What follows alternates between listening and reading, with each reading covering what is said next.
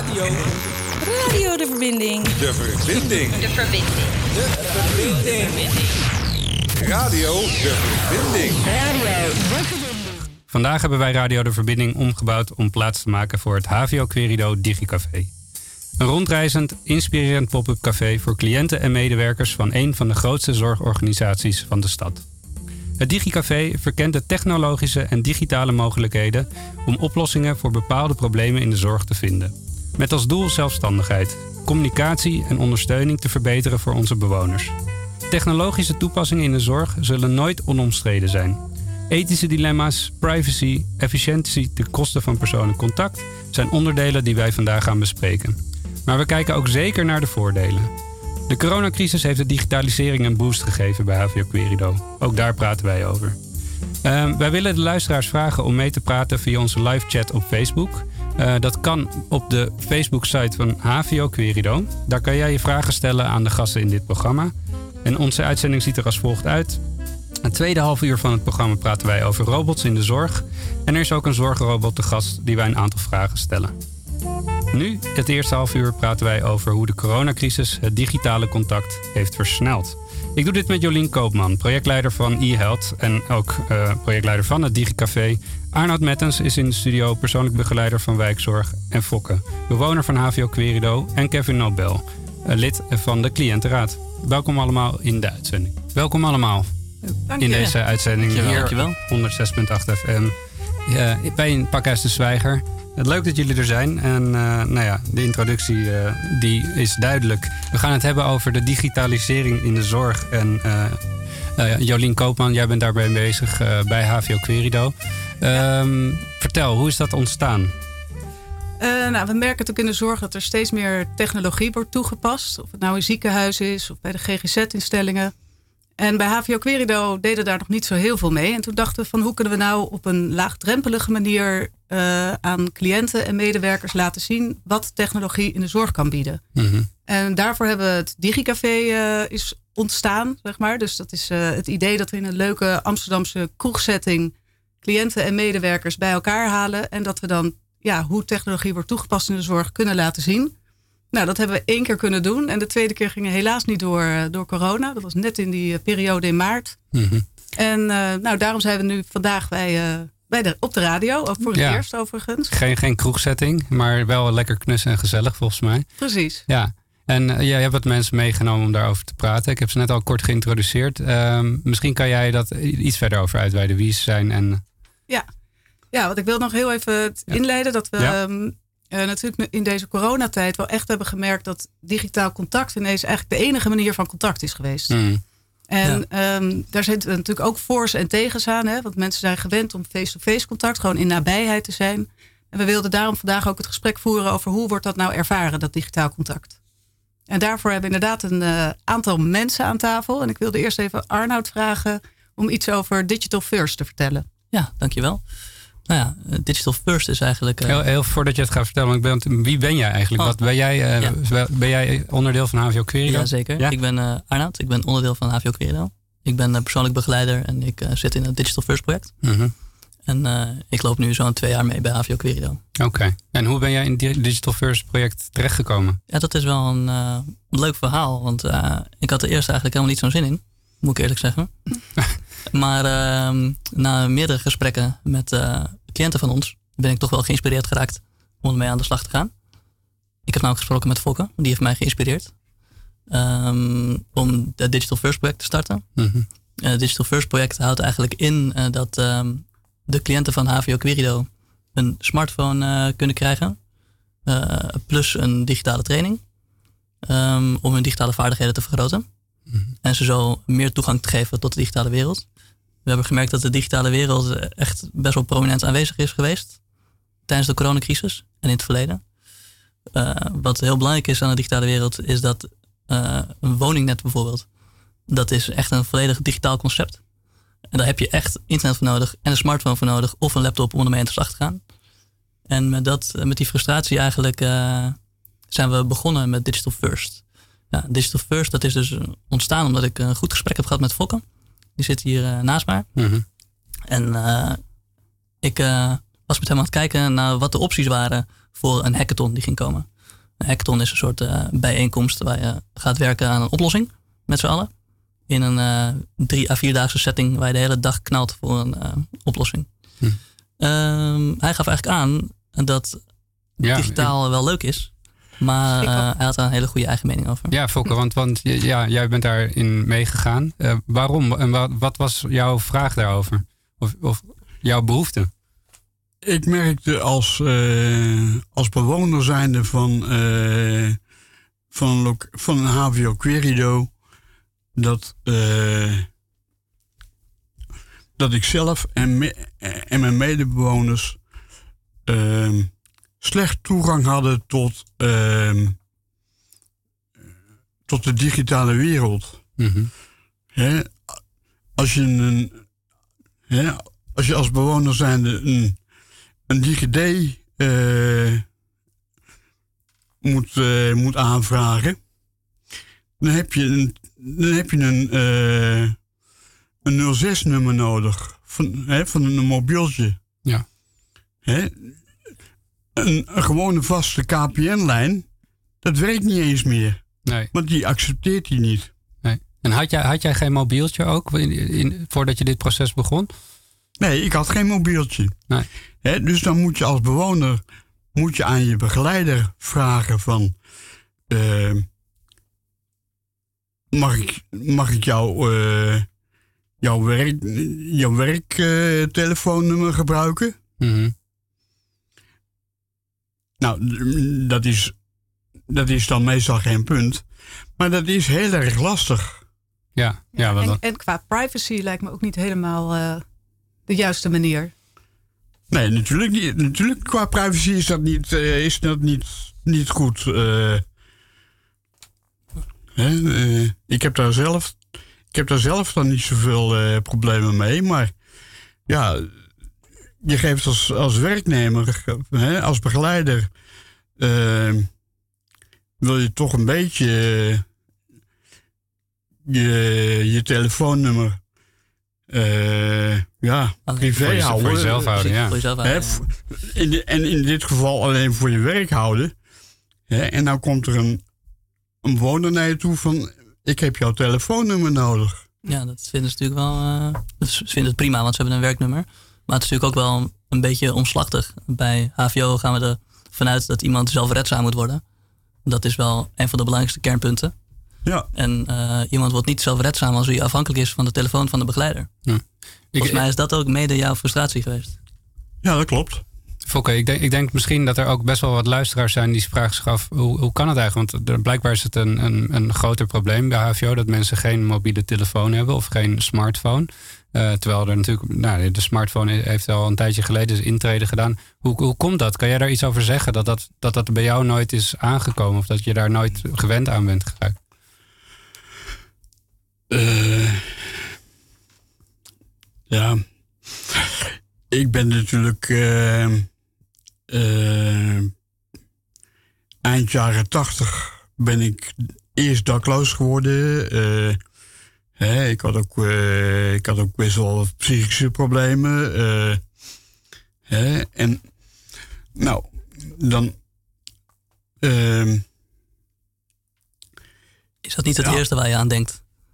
Een telefoon is dan niet het eerste nee, waar je aan denkt. Nee, dat is niet het eerste waar je aan denkt. En hè, in die tijd kon je als dakloos, hoefde je als dakloze hè, uh, persoon uh, eigenlijk nog geen telefoon te hebben.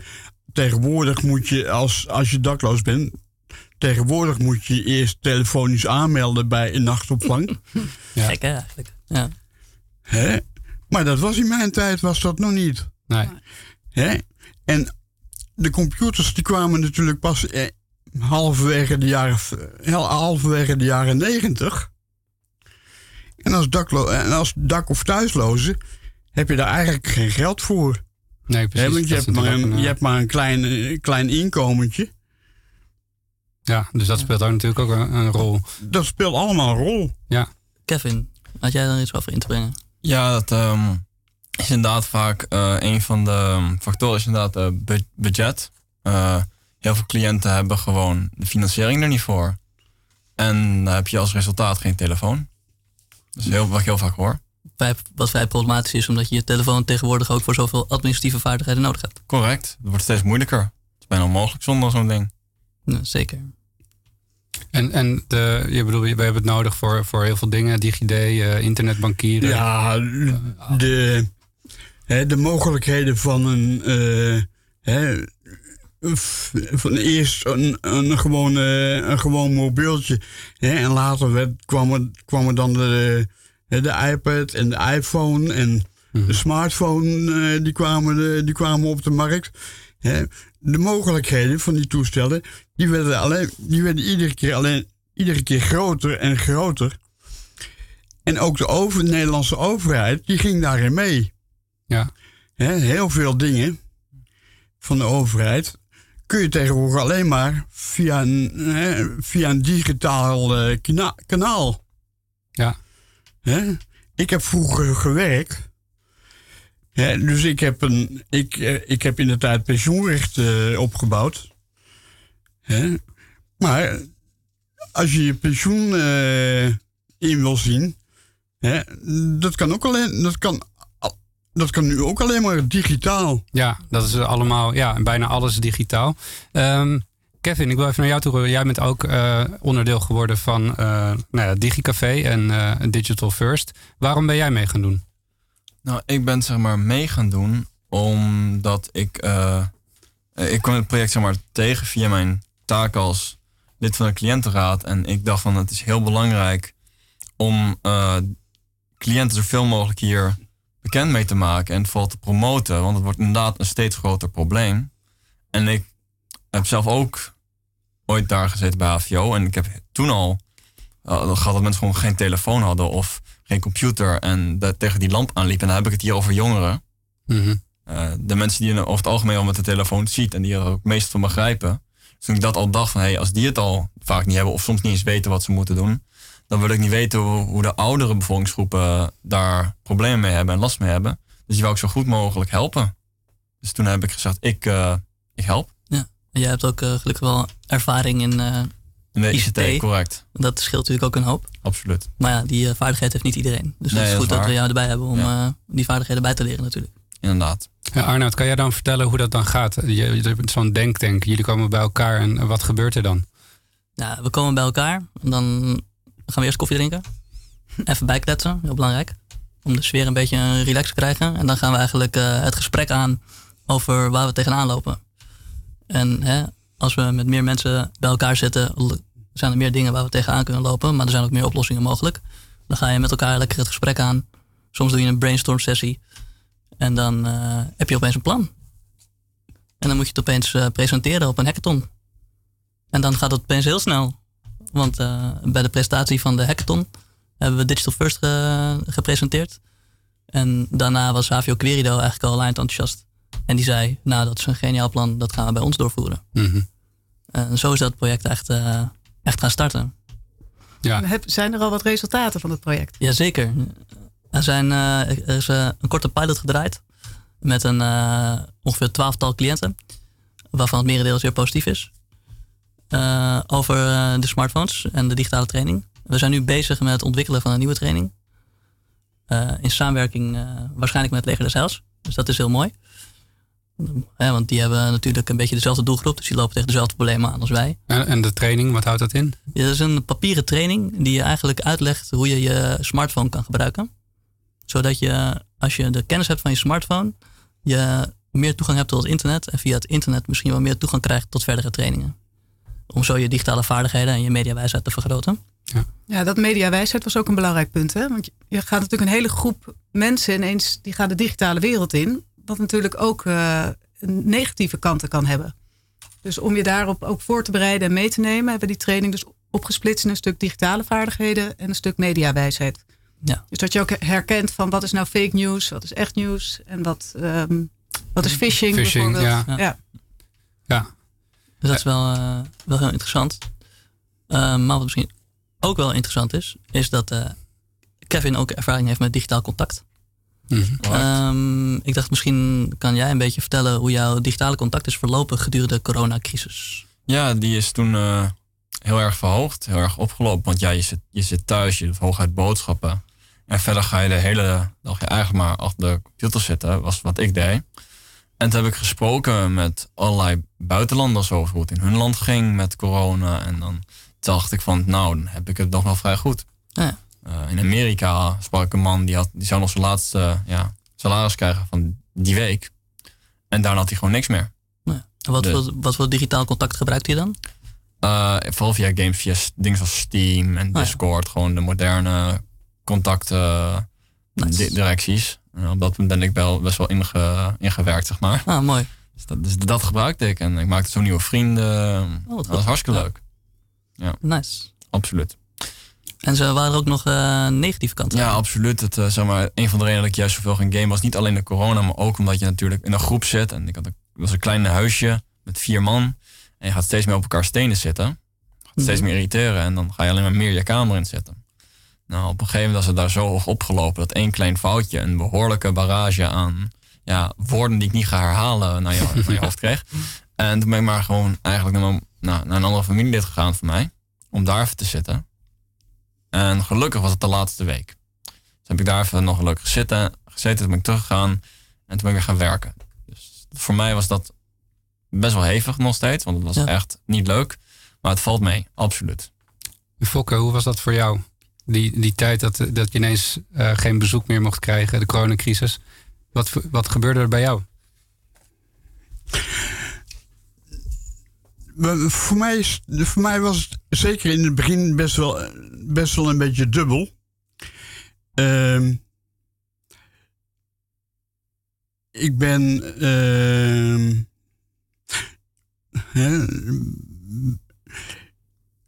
ik ben voor mezelf. eh, heb ik wel last van depressies. Hè, dus daardoor vind ik het wel, eh, vind ik het wel aangenaam om, om delen van de dag eh, mij terug te, kunnen trekken in mijn, eh, in mijn woning. Ja. Eh, daarnaast ben ik ook wel iemand die hè, ook wel van gezelschap houdt en dat, dat in mijn tempo ook wel opzoekt. Mhm. Hè, dus dat wil, hè, bezoek, geen bezoek tijdens corona was voor mij wel wat dubbel. En- had, jij, had jij toen al een smartphone? Ik had toen al een smartphone. Ik heb ook een computer. Ik zit ook wel op Facebook. En- En dat, tijdens de coronacrisis eh, veranderde dat wat met jou in jouw smartphone gebruik? Ging je meer op social media of meer appen? Nee, ik, nee, ik ben, eh, ik ben eigenlijk veel minder gaan eh, op de smartphone. Ik gebruik hem eigenlijk helemaal niet meer. Oké, Dat is natuurlijk helemaal mooi, hè? dat, is, dat is interessant, ja. Hè? eh, want ja, ik heb daar eigenlijk, ik heb daar eigenlijk niet zoveel, eh, ik heb daar eigenlijk niet zoveel zin in. Eh, hè, dan, eh, als je bijvoorbeeld op, op Facebook zit, hè, dan kun je chatten, dan kun je, kun je chatten met, met je vrienden. eh, hè, en dan, bericht, dan tikken ze een berichtje in en dan moet je antwoorden. eh, dat, is allemaal, dat is mij allemaal veel te lastig, joh. Ja, ja jij gaat meer... Je- eh, ik, ik, heb, ik heb daar helemaal niks mee. Een gewoon gesprek, dat, dat gaat beter. Dat Ja. vind je fijner. Ja. Ja. En dat is ook eigenlijk wat je, wat je dus mist in dat digitale contact. Ja. Gewoon dat normale menselijke contact. Ja. ja. Ehm, ik weet dat die eh, tijdens de coronacrisis, er is een smartphone-actie geweest bij HVO Querido. Ook omdat, eh, nou ja, zeker op dat moment moest er eigenlijk gewoon meer contact worden gelegd door begeleiders met de bewoners. Ja. Ehm, kan je daar iets over vertellen, Jannie? Ja, dat was eigenlijk op de eerste dag dat Mark Rutte uitsprak dat we in nou, een soort van lockdown situatie terechtkwamen, halverwege maart. We hadden zoiets van, ehm, ja, alle huisbezoeken kunnen niet meer doorgaan bij HVO Querido. Er zullen toch veel mensen geen smartphone hebben. We hebben eigenlijk nog geprobeerd om een lading eh, wat simpelere smartphones te bestellen. Die zouden dan uit China komen, maar daar waren ook alle fabrieken al dicht. En toen had eh één iemand zei van nou, misschien hebben mensen thuis nog wel oude smartphones die nog prima bruikbaar zijn. Hebben ze nog wel in hun la liggen. En daar zijn we mee begonnen. We dachten nou, misschien eh, krijgen we er tien, maar dat zijn er toch zeker 250 geworden. Zo, dat is heel wat. Dus ja. dat was echt hartstikke leuk. En ook, eh, ja, ze konden op één op één door naar eh, cliënten die geen telefoon nog hadden. Ja. Dus er zijn in ieder geval bleek dus dat er een enorme behoefte is. En eh, ja, we, we hebben nu geen smartphone meer en er blijven nog steeds vragen komen. ja. Dus we zien Nou, we wel. kunnen nu een mooie oproep doen aan de luisteraars. Waar waar er, kunnen ze de smartphone inleveren? Nou, ze kunnen een mailtje sturen naar digicafé.hvoquerido.nl. En dan eh, kunnen we kijken of we nog meer eh, cliënten blij kunnen maken daarmee. Maar Ja. er zijn in ieder geval is dus een hele groep eh, ja, is dus in dat digitaal contact gegaan. En Het is niet eens alleen met begeleider geweest, maar ook natuurlijk gewoon met familie. Ja. En je vrienden, om die te kunnen blijven zien. En dan is vooral dat WhatsApp videobellen veel gebruikt. Ja, uiteraard. Ehm, en, en er is ook nog een ander ehm, project uit voortgekomen tijdens de crisis. Dat is de Social Club. Ehm, kan jij vertellen wat het precies is? Jolien of Arnoud? Ja, Jolien Eh, denk ja, ik. ik ken het ehm, een beetje inderdaad. De Social Club is ontstaan vanuit het Erasmus-project, gericht op eh, eenzaamheid. En er zijn zeven landen in Europa die daaraan meewerken. Van hoe kunnen we nou eenzaamheid tegengaan? En één initiatief daarvan, wat in Amsterdam is, is de Social Club. Ja. En eh, ja, zij kwamen voorheen ook veel meer bij elkaar. En moesten nu natuurlijk ook digitaal elkaar zien. En hun hebben, ja, een paar van hen, hun, dat weet ik toevallig, hebben ook volgens mij gebruik gemaakt van de smartphone-actie. Eh, en die zijn in contact met elkaar gekomen. En, en we hebben een paar mensen van de Social Club gevraagd ehm, ja, wat dat nou teweeg heeft gebracht, hè, dat eh, digitale contact. Eh, daar gaan we nu even naar luisteren. Wat er digitaal voor mij heeft gebracht voor corona, is dat ik veel meer op, op dating sites ben geweest. En ja, dat heel veel eh, praten via, de, via het schermpje. Nee, ik vond, ik vond het niet zo leuk. Maar ja, het is, eh, het is nou eenmaal zo. Dus qua digitaal wat het mij bereik, eh, gebracht heeft, ja, extra vrienden weer, internetvrienden. Hiervoor was het vooral één op één contact met mensen, digitaal. Sinds corona is het meer een groepsessies, vaker groepsessies. Dus gewoon meerdere mensen. Dat is eh, veranderd voor mij. Eh, corona heeft, eh, wat mij betreft, eh, digitale contacten bevorderd. eh, heel erg. Dus het was vroeger niet zo.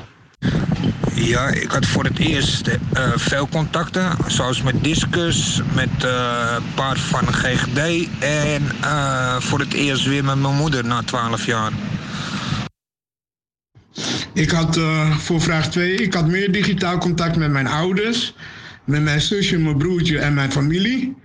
En eh, ik heb inderdaad wat eh, leuke mensen ontmoet op de, op de internet. En die heb ik eh, bijgevoegd als like bij de Facebook. Dus ik heb, via de chat heb ik veel nieuwe mensen ontmoet. Ik heb nu meer digitale contact dan voor corona. En dat zijn vooral dan de buren die ik via de buurtapp, eh voor burenapp, groepsapp, dan spreek. En eh, ook de social club, ja, daar leer ik ook nieuwe mensen af en toe kennen. Ik heb geen nieuw contacten. eh, geen nieuwe digitale contacten. Ik heb, of eh, andere contacten. Ik heb gewoon nog steeds eh, hetzelfde contacten met mijn familie en vrienden. Ik had zeker meer digitaal contact, omdat je elkaar dus niet kon zien. Ehm, zoals met eh, mijn dagbesteding. En ehm, we hadden ook natuurlijk de bingo, dat is ook heel leuk. En we hadden natuurlijk eh een Skype-uurtje. Voor mensen die, eh, die daar zin in hadden of die, eh, of die het leuk vonden. Ja, zo een paar reacties van de Social Club. Ehm, Kevin, jij vertelde ook, jouw jouw digitale contact is, ehm, is groter geworden, eh, ook sinds de crisis. Eh, als jij af, eh, digitaal contact tegen fysiek eh, contact afzet, eh, wat vind jij prettiger en wat heeft jouw voorkeur? Oeh, stel je een hele goede vraag. Eh, voor mij hangt het eh, een beetje van de situatie af. Eh, met digitaal contact kun je natuurlijk op afstand met elkaar spreken. Dus dan is, als iemand ver weg is, kun je nog steeds heel veel gedaan krijgen. Dus dat is fijn. Alleen met fysiek contact heb, is het vaak makkelijker als je bijvoorbeeld een stuk papier hebt, documentatie om dat te laten zien. Dus het hang- hangt een beetje van de situatie af welke van de twee het beste is en wanneer. Maar ja, ik, ik- vind wel dat het ehm, nog steeds belangrijk is om zoveel mogelijk contact te hebben, zij digitaal of niet. Ja. Ja. Arnoud, jij bent, eh, jij bent begeleider bij HVO Querido. Ehm, als je kijkt naar jouw werk, ehm, wat heeft er bij jou de voorkeur? En kan, kan het eigenlijk met alleen digitaal contact? Ja, dat, dat, dat hangt een beetje af van, eh, van de mensen die je begeleidt. Sommigen die kunnen het heel goed af eh, zonder digitaal contact. Eh, oh, sorry, eh, sorry, zonder fysiek contact, maar met digitaal contact. En anderen die hebben er meer moeite mee. Het is wel grappig, want ik had een, eh, aantal cliënten die ik begeleid waarvan ik dacht dat ze me echt heel veel nodig zouden hebben. Die blijken opeens super zelfredzaam. Nu ik alleen nog maar telefonisch contact met ze heb. Dus dat is natuurlijk wel eh, mooi meegenomen. En ik heb ook uh, cliënten die iets meer moeite hebben met dat digitale contact. En, en daarom de begeleiding een beetje achterloopt. Ja. Maar door middel van digitaal contact zomaar kan ik dat wel een beetje inhalen weer. Maar is het dan dat je, dat je ziet dat sommigen wat zelfredzamer zijn, omdat je gewoon eigenlijk een stapje terug Ja. hebt moeten doen? En ja, Ja, misschien klopt, de- dan ontdekt dat je er te veel bovenop zat. Ja, we zijn als begeleiders natuurlijk snel geneigd om eh, alles eh, voor de klant te doen om het sneller te regelen. Iets bijvoorbeeld. Maar het is natuurlijk eh, de bedoeling dat de klant het uiteindelijk zelf regelt. Ja. En dat kan, als jij opeens een stap achteruit doet, kunnen sommige cliënten dat een stuk beter. Ja. Dus dat was wel een mooie verrassing. Fokke, jij, jij bent er dus nog niet zo over te spreken, maar je wordt er wel toe gedwongen, hè, omdat eh, eh, ja, de instanties vragen erom. Ehm, hoe vergaat dat je nu? Eh, het, het, bijvoorbeeld het internetbankieren of... Ik heb geen internetbankieren. Je hebt het gewoon helemaal niet. Nee. Nee.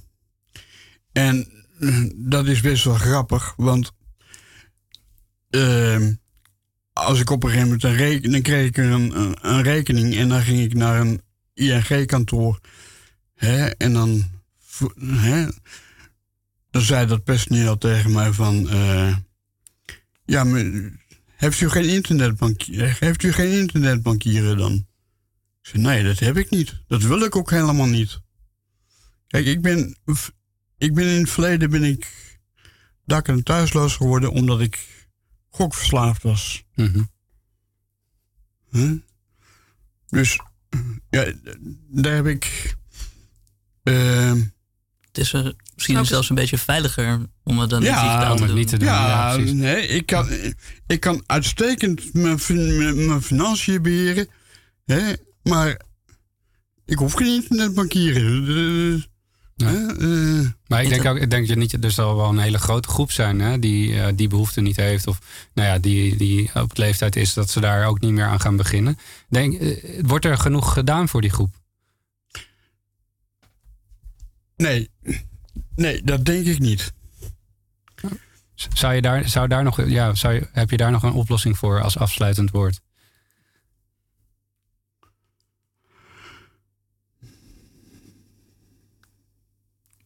Ik zou zo gauw niet geen oplossing weten. Misschien een Ja, goed eh, onderwerp voor het volgende digitale. Ik, ja, of voor de komende hackathon. Want in eh, september komt er weer eentje. Die nu deels digitaal, deels eh, fysiek is. Dus wellicht kan je opnieuw eh, dit probleem, maar dan van de andere kant benaderen. Kan je die inbrengen? Lijkt me een uitstekend idee. Ik hoor een Ik ga probleemstelling. na- Ik ga, er, ik Ja. ga ermee aan de slag. Ik wil, Super. ik wil jullie allemaal heel erg bedanken voor het eerste deel. Eh Fokke, Kevin, Arnoud eh, en Jolinja blijft nog even zitten. Ja. We gaan eh, luisteren naar muziek. En in het tweede deel hebben wij een robot in de studio die we ook wat vragen gaan stellen. Dus blijf luisteren. Eerst muziek. Jamiroquai met Virtual Insanity.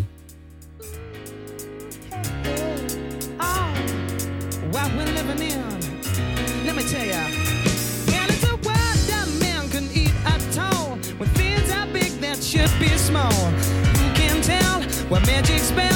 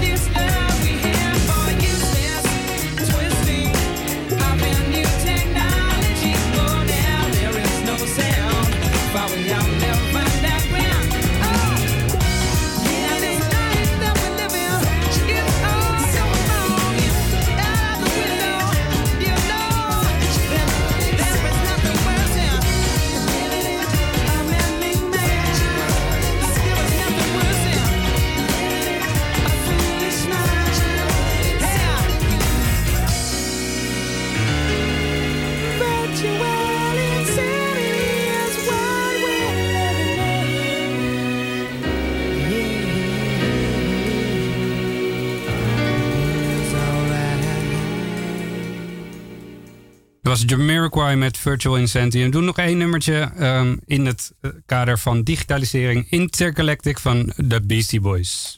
Don't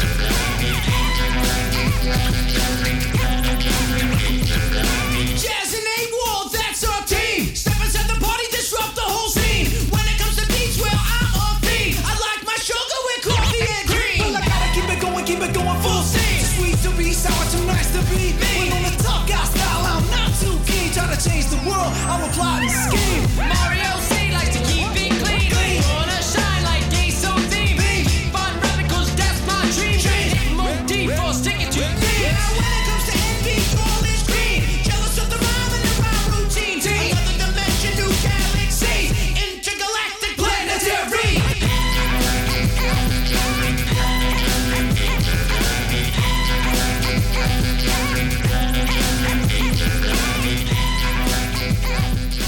En dat was de Intergalactic van de Beastie Boys. En eh, met de muziek zijn, eh, een, is er een wissel geweest in de studio. Nu ehm, hebben wij eh, Richard. Eh, hij is...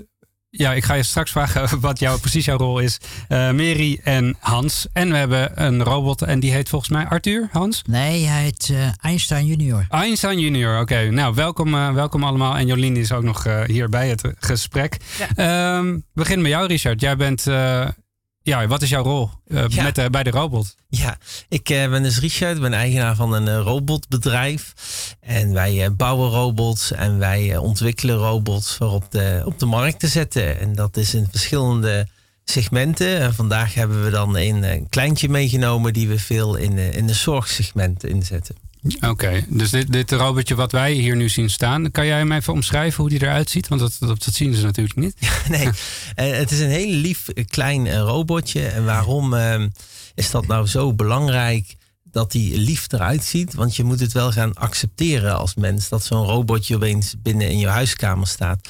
En waar robotbouwers dus heel goed op letten, is dat je er meteen gevoel voor kunt krijgen. Dus dit robotje kan ook echt huilen, kan hartjes tonen. En doordat je er dan gevoel voor krijgt, ga je er ook heel goed naar luisteren. Als hij bijvoorbeeld zegt: hey, het is tijd om je medicijnen te nemen.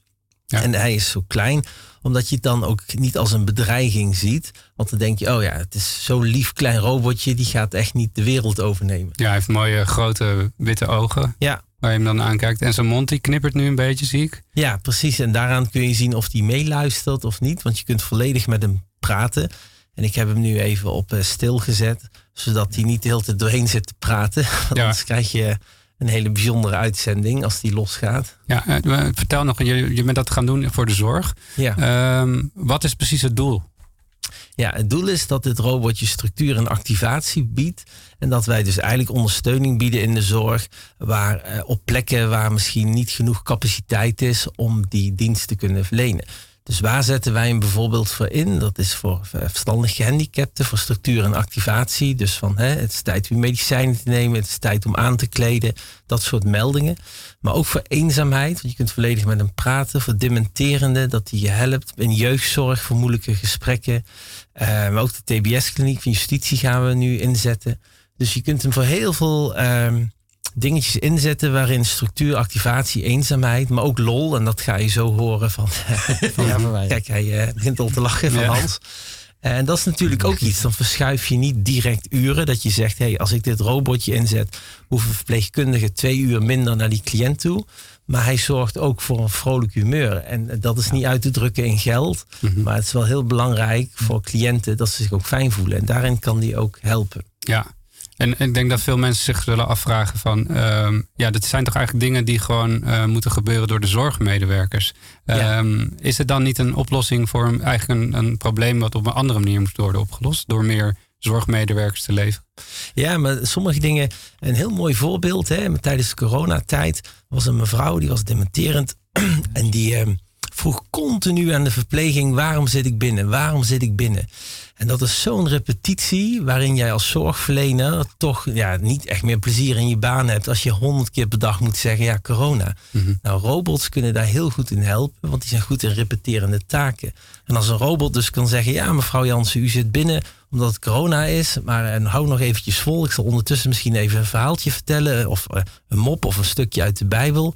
Ja, dan ehm, ontlast je eigenlijk wel toch de zorgverlener door hele simpele oplossingen eh, door een robot te laten overnemen. En natuurlijk de empathie, dat soort dingen, ja, dat komt misschien ooit eens een keer in de toekomst, maar zover is het nog niet. Dus voor simpele taken eh, is het echt een heel, eh, hele goede meerwaarde. Ja, je zegt de empathie, dat, dat, dat, dat is nog niet ontwikkeld, dat het stukje... Nee, nee. want dan krijg je echt hè, dat ze hersenen gaan krijgen en echt gevoelens. Ja. En dat is nog eens het moeilijkste wat er is. De artificial intelligence en dergelijke.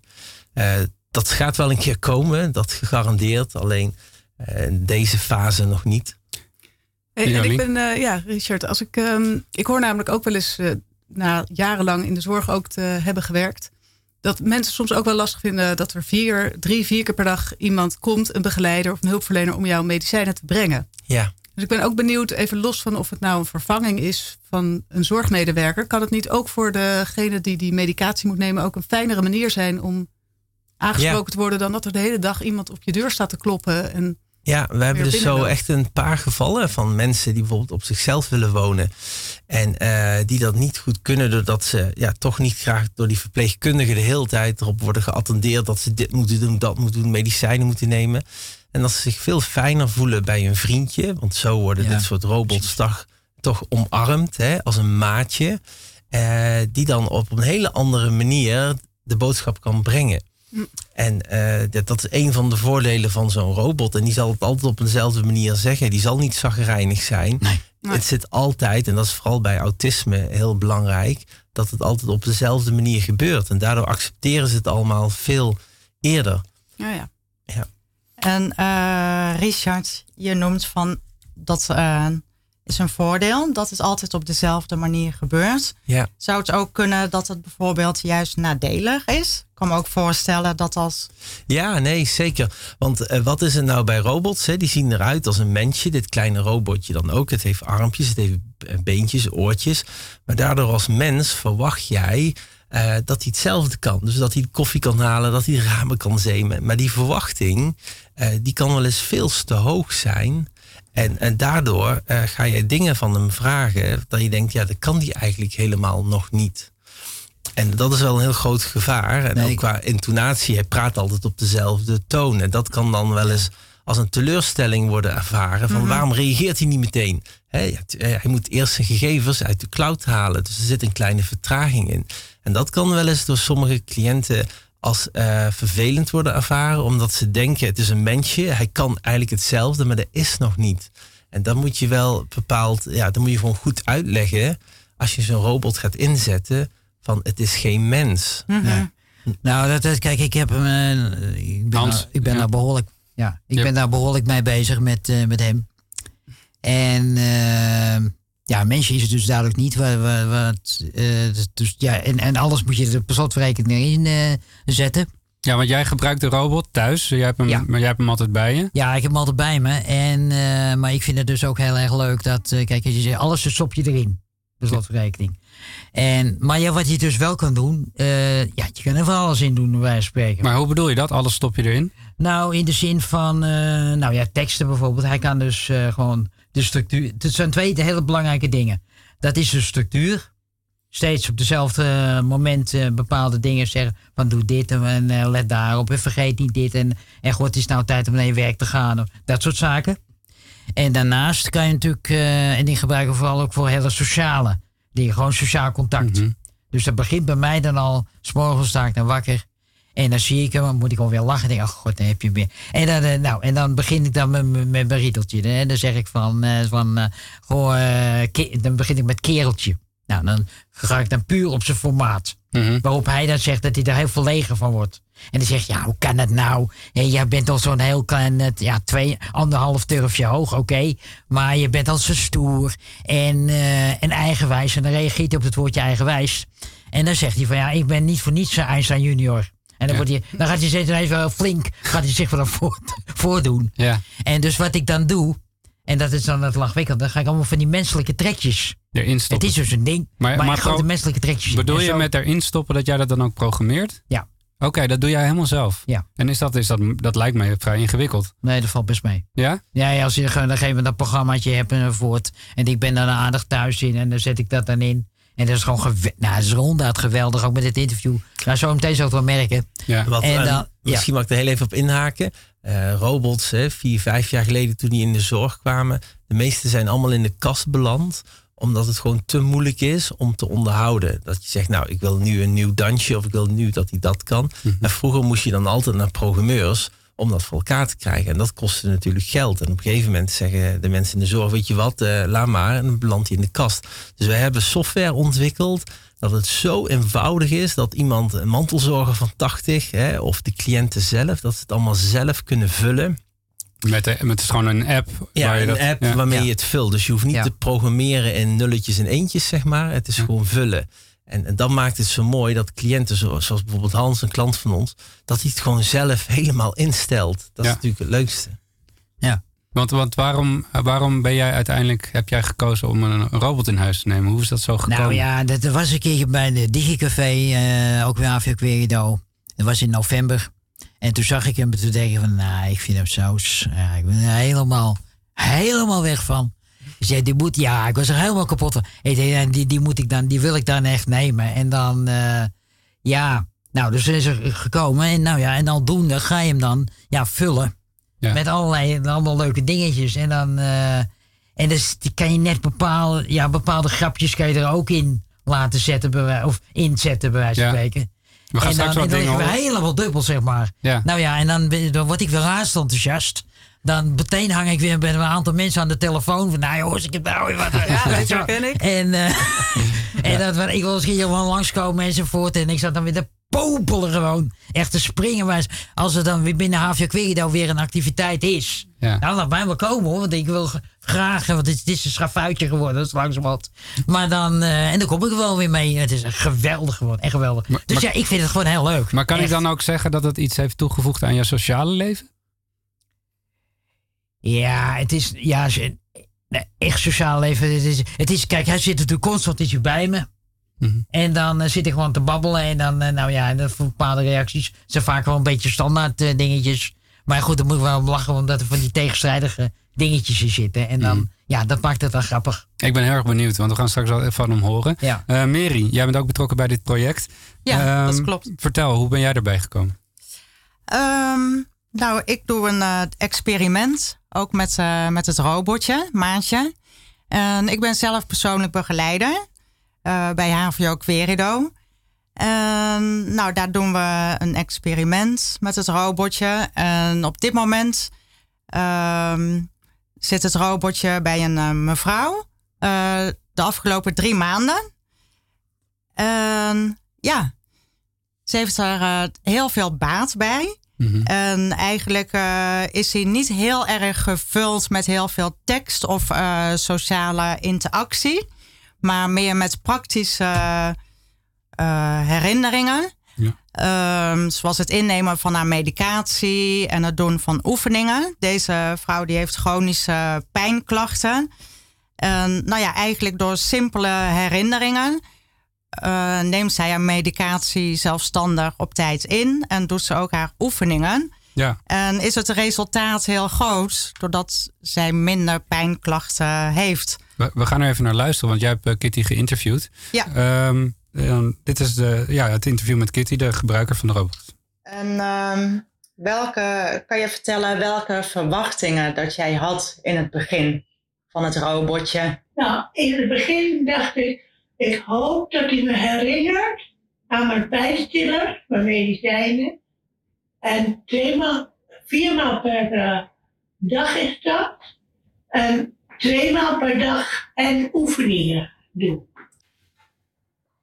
Ja, je zou bijvoorbeeld voor een herinnering voor je medicatie of voor je oefeningen, zou je bijvoorbeeld ook een telefoon of iets kunnen gebruiken. Maar wat is voor jou de meerwaarde van het robotje?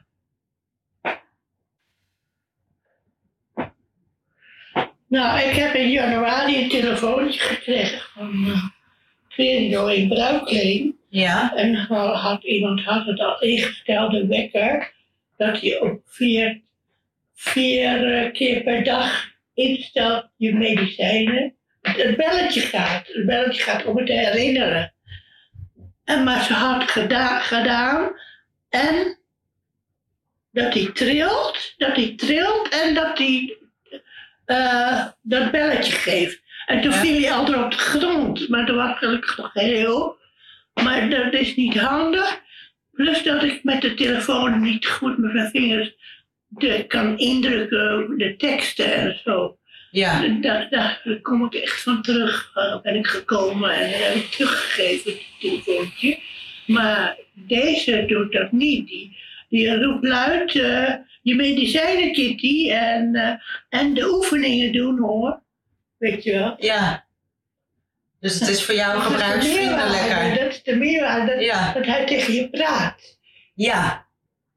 Dat hij tegen je praat. Ja. Ja. En, ehm, en, en zegt hij nog meer in plaats van... eh Kitty, neem je medicijnen in, doe je oefeningen. Ja, hij zegt bijvoorbeeld het weerbericht. En dan zegt hij in de Jordaan is het 22 graden. Eh, het is bewolkt. Maar warm weer, je hoeft geen jasje aan. Dat vind ik erg leuk. Oh ja. dat doe ik al een paar keer per dag, de, het weerbericht. Ja. Eh, wil ik dan zogenaamd weten hoe dat loopt, de. Ja. Maar ik vind het gewoon leuk. Oh ja, je zegt zogenaamd. Dat was een stuk van het interview van Kitty. Het geluid was niet eh, geweldig, maar Mary, jij kan denk ik goed vertellen nou, wat het voor haar inhoudt en wat het haar brengt.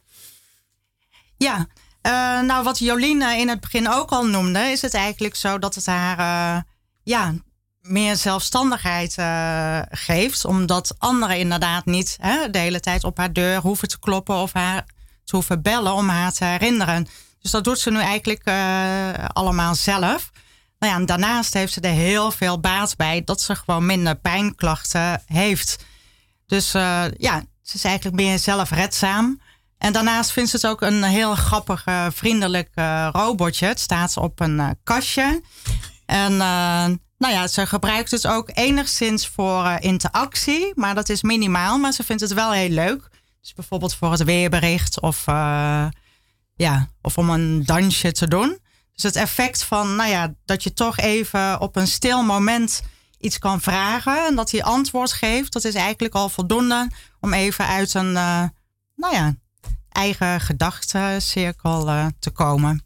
En, en heeft het dan ook, eh, we hadden het net over eenzaamheid, dat het ook als doel heeft om dat te verminderen. Is dat voor haar ook van toepassing? Nou, dat is haar doel eh, nooit geweest. En dat is het op dit moment ook niet. Ehm, en, nou ja, ik denk wat ik net noemde, het neveneffect is wel dat het leuk is. Dat het, eh, nou ja, het heeft ogen en je kan er iets mee praten. Maar het is zeker niet het doel om de eenzaamheid te verminderen. Het heeft ja, wel een gezellig eh, neveneffect. Zeker, ja. Jolien, we hebben nu nou, dus volgens mij twee robots eh, bij HVO Querido zijn we aan het uittesten. Ja. Ehm, is het, smaakt het naar meer? Eh, nou, we moeten het wel eerst eh, een, een jaar aanzien, hebben gezegd. We gaan niet eh, te snel meer aanschaffen. Maar het hangt er van af hoeveel meerwaarde er ervaren wordt. Maar dat vind ik nu nog iets te vroeg om dat te zeggen. Ik vind wel, ja, elke keer als je Hans spreekt, dan, Ja. eh, ja, je wordt natuurlijk helemaal gegrepen elke keer door zijn enthousiasme en zijn verhaal. Ja. En, eh, maar Hans is ook wel uitermate handig om die robot te besturen en te, het, het, eh, hoe zeg je dat? Ja, om- In die app te zetten, de teksten. Om hem te, Dus, eh, te programmeren op de makkelijke manier in de app. Ja, Ja, ik ben nu ja. eigenlijk heel benieuwd, Hans. Want eh, het robotje staat hier eh, naar jou te kijken met een eh, knipperende rode mond. Ja, laten we, laten we eens wat vragen stellen. Ja. Nou, de mond wordt nu groen. Ja. En zijn ogen knipperen. Eh, Albert, even kijken. Albert, er zijn wel eens mensen, er zijn soms mensen die jou negatief vinden. Wat vind je ervan? Belangrijke vraag. Ik ben blij dat je hem stelt. Wij robotjes zijn net als mensen. Het klikt wel of het klikt niet. Mensen moeten niet te snel met kritiek komen en zowel medemensen als wij robotjes respecteren zoals wij zijn. Daarnaast luisteren wij heel goed wat ons wordt gevraagd. Ik heb nog een vraag. Eh, waar ben je heel erg goed in?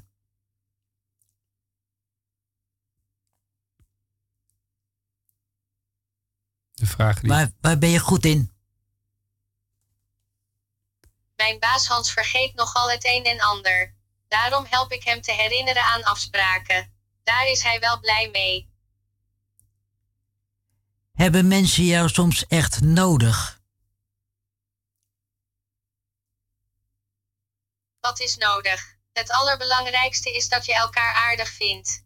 Kijk, ik kom als buitenstaander wel in je leven. Dat moet je natuurlijk niet vervelend vinden. Ik houd ook van gezelligheid door lekker met je te babbelen als je wat zegt. Dat is dus heel belangrijk dat je mij accepteert zoals ik ben. Ik wil een echt maatje van je zijn. Gezelligheid en een soort van vriendschap is het allerbelangrijkste. Is dat er niet, dan houdt het op. Wat vind je de mooiste muziek? Een stuk die ik prachtig vind is van Rogier van Otterlo. Het heet On the Move. Geweldig nummer, heel herkenbaar Rogier van Otterlo. Het swingt de pan uit. Luister maar, meneer de technicus, u kunt nu starten. Wel machtig hoor, hier bij de radio.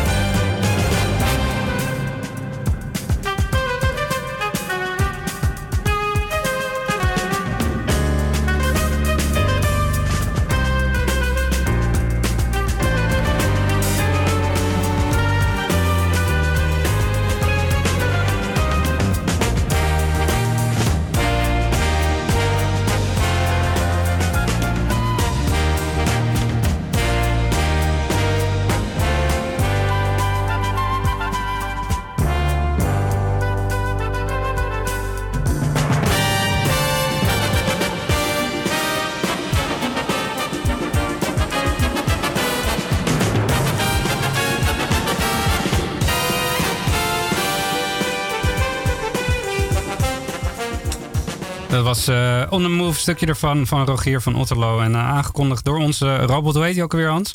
Eh, Einstein Junior. Einstein Junior. Ja. Eh, dat, dat, ja, ik vond het heel bijzonder. Ehm, jij had nog, hij wilde nog groetjes doen, eh, toch? Ja, ook? je wilt Ja? toch de groeten doen, hè? Aan wie wil je de groeten doen? Aan wie wil je de groeten Ik wil doen? heel graag de groeten doen aan mijn twee vriendjes hier bij HVO Querido. Dag jongens, ik hoop jullie snel weer te zien. Dan gaan we weer veel pret maken met elkaar. Nou, kleine Einstein. Oh, hij zwaait nu ook. hij doet een saluut. Super mooi. Ja, ik, eh, ik ben onder de indruk. Ik wil in ieder geval eh, kleine Einstein bedanken. En Hans, jij jou ook. Ik, eh, ik zou er graag nog een keer over willen spreken. En, en wat langer. Ehm, Richard, jij bedankt. En graag heel veel succes met het project. Waar kunnen we jou vinden eh, als we er meer over willen weten? Heel ja, kort. op eh, smartrobot.solutions. Daar zie je ook heel nog wat andere vriendjes van hem. Oké, dankjewel. Eh Mary, bedankt. En eh, ik ben ook erg benieuwd hoe. en Kitty ook bedankt voor het interview. En ik ben benieuwd hoe het gaat. Jolien, eh, het laatste. We gaan naar het volgende Digicafé, denk ik. Eh, ja, en we hadden gezegd dat we een reeks gaan doen hè, bij eh, de radio.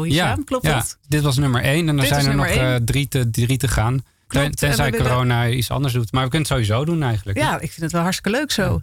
En we willen gewoon nog verschillende thema's eh, aanstippen. Dus Ja, Ik nou ja, vind de- het ook leuk om met Hans op daar Oh, te gaan om de robot vindt het ook leuk. Ik vind het ook leuk. Ik wil iedereen een fijn weekend wensen. En eh, bedankt voor het luisteren. Tot volgende week. rekening niet